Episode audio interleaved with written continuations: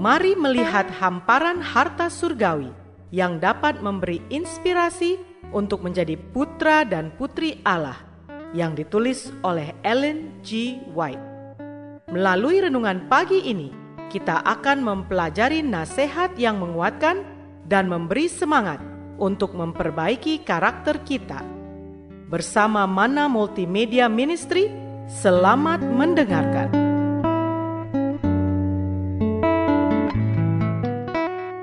Shalom, selamat pagi saudaraku.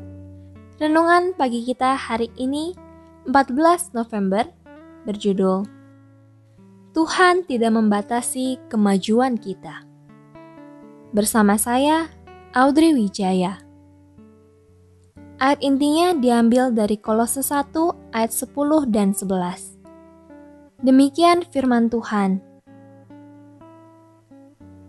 sehingga hidupmu layak di hadapannya, serta berkenan kepadanya dalam segala hal, dan kamu memberi buah dalam segala pekerjaan yang baik dan bertumbuh dalam pengetahuan yang benar tentang Allah, dan dikuatkan dengan segala kekuatan oleh kuasa kemuliaannya untuk menanggung segala sesuatu dengan tekun dan sabar. Mari kita dengarkan penjelasannya. Tuhan tidak menetapkan batas bagi kemajuan mereka yang menerima segala hikmat dan pengertian yang benar untuk mengetahui kehendak Tuhan yang sempurna. Melalui doa, melalui kewaspadaan, melalui pertumbuhan dalam pemahaman, kita dikuatkan dengan segala kekuatan oleh kuasa kemuliaannya untuk menanggung segala sesuatu dengan tekun dan sabar. Rencana Allah bagi kita begitu luas, begitu sempurna, begitu lengkap, sehingga kita memiliki alasan untuk bekerja sama dengan sepenuh hati dengannya dalam melaksanakannya. Tidak ada alasan untuk ragu-ragu dalam pihak kita. Setiap hari kita perlu mengambil persediaan yang segar dari gudang besar firman Allah artinya tidak akan memberikan waktu untuk membaca novel atau untuk hal lain yang tidak membangun dan menguatkan untuk setiap pekerjaan yang baik. Kekayaan surga yang ada di dalam komando anak-anak Allah. Setiap hari si penggoda akan berada di jalan Anda dengan alasan yang menyesatkan. Masuk akal untuk mementingkan diri sendiri menyenangkan diri sendiri.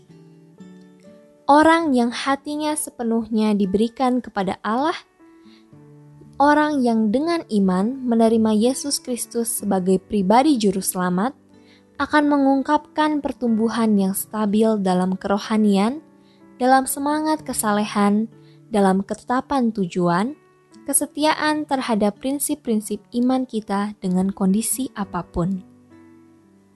Saudara-saudara yang kekasih dalam Tuhan, Allah akan menghormati dan menjunjung tinggi setiap jiwa yang sungguh-sungguh. Jiwa yang tulus yang berusaha untuk berjalan di hadapannya dalam kesempurnaan kasih karunia Kristus. Tuhan Yesus tidak pernah meninggalkan atau melupakan satu jiwa yang rendah hati dan takut Dapatkah kita dengan persepsi yang dikuduskan menghargai kekuatan janji-janji Allah dan menyesuaikannya dengan diri kita sendiri? Bukan karena kita layak, tetapi karena Kristus layak. Bukan karena kita orang benar, tetapi dengan iman yang hidup kita menuntut kebenaran Kristus untuk kita. Doa kita hari ini, Bapa, terima kasih melalui renungan pagi ini kami boleh belajar tentang kemajuan yang Tuhan berikan untuk orang yang menerima pengertian dan kehendak Tuhan. Terima kasih melalui renungan pagi ini kami diingatkan untuk bersedia membangun dan menguatkan di setiap pekerjaan yang baik di dalam rencana Tuhan. Tolong kami hari ini Bapa, biarlah kami boleh berada dalam jalan yang benar dengan iman yang setia terjauh dari si penggoda. Inilah doa dan permohonan kami kepadamu Di dalam nama Tuhan Yesus kami berdoa. Amin.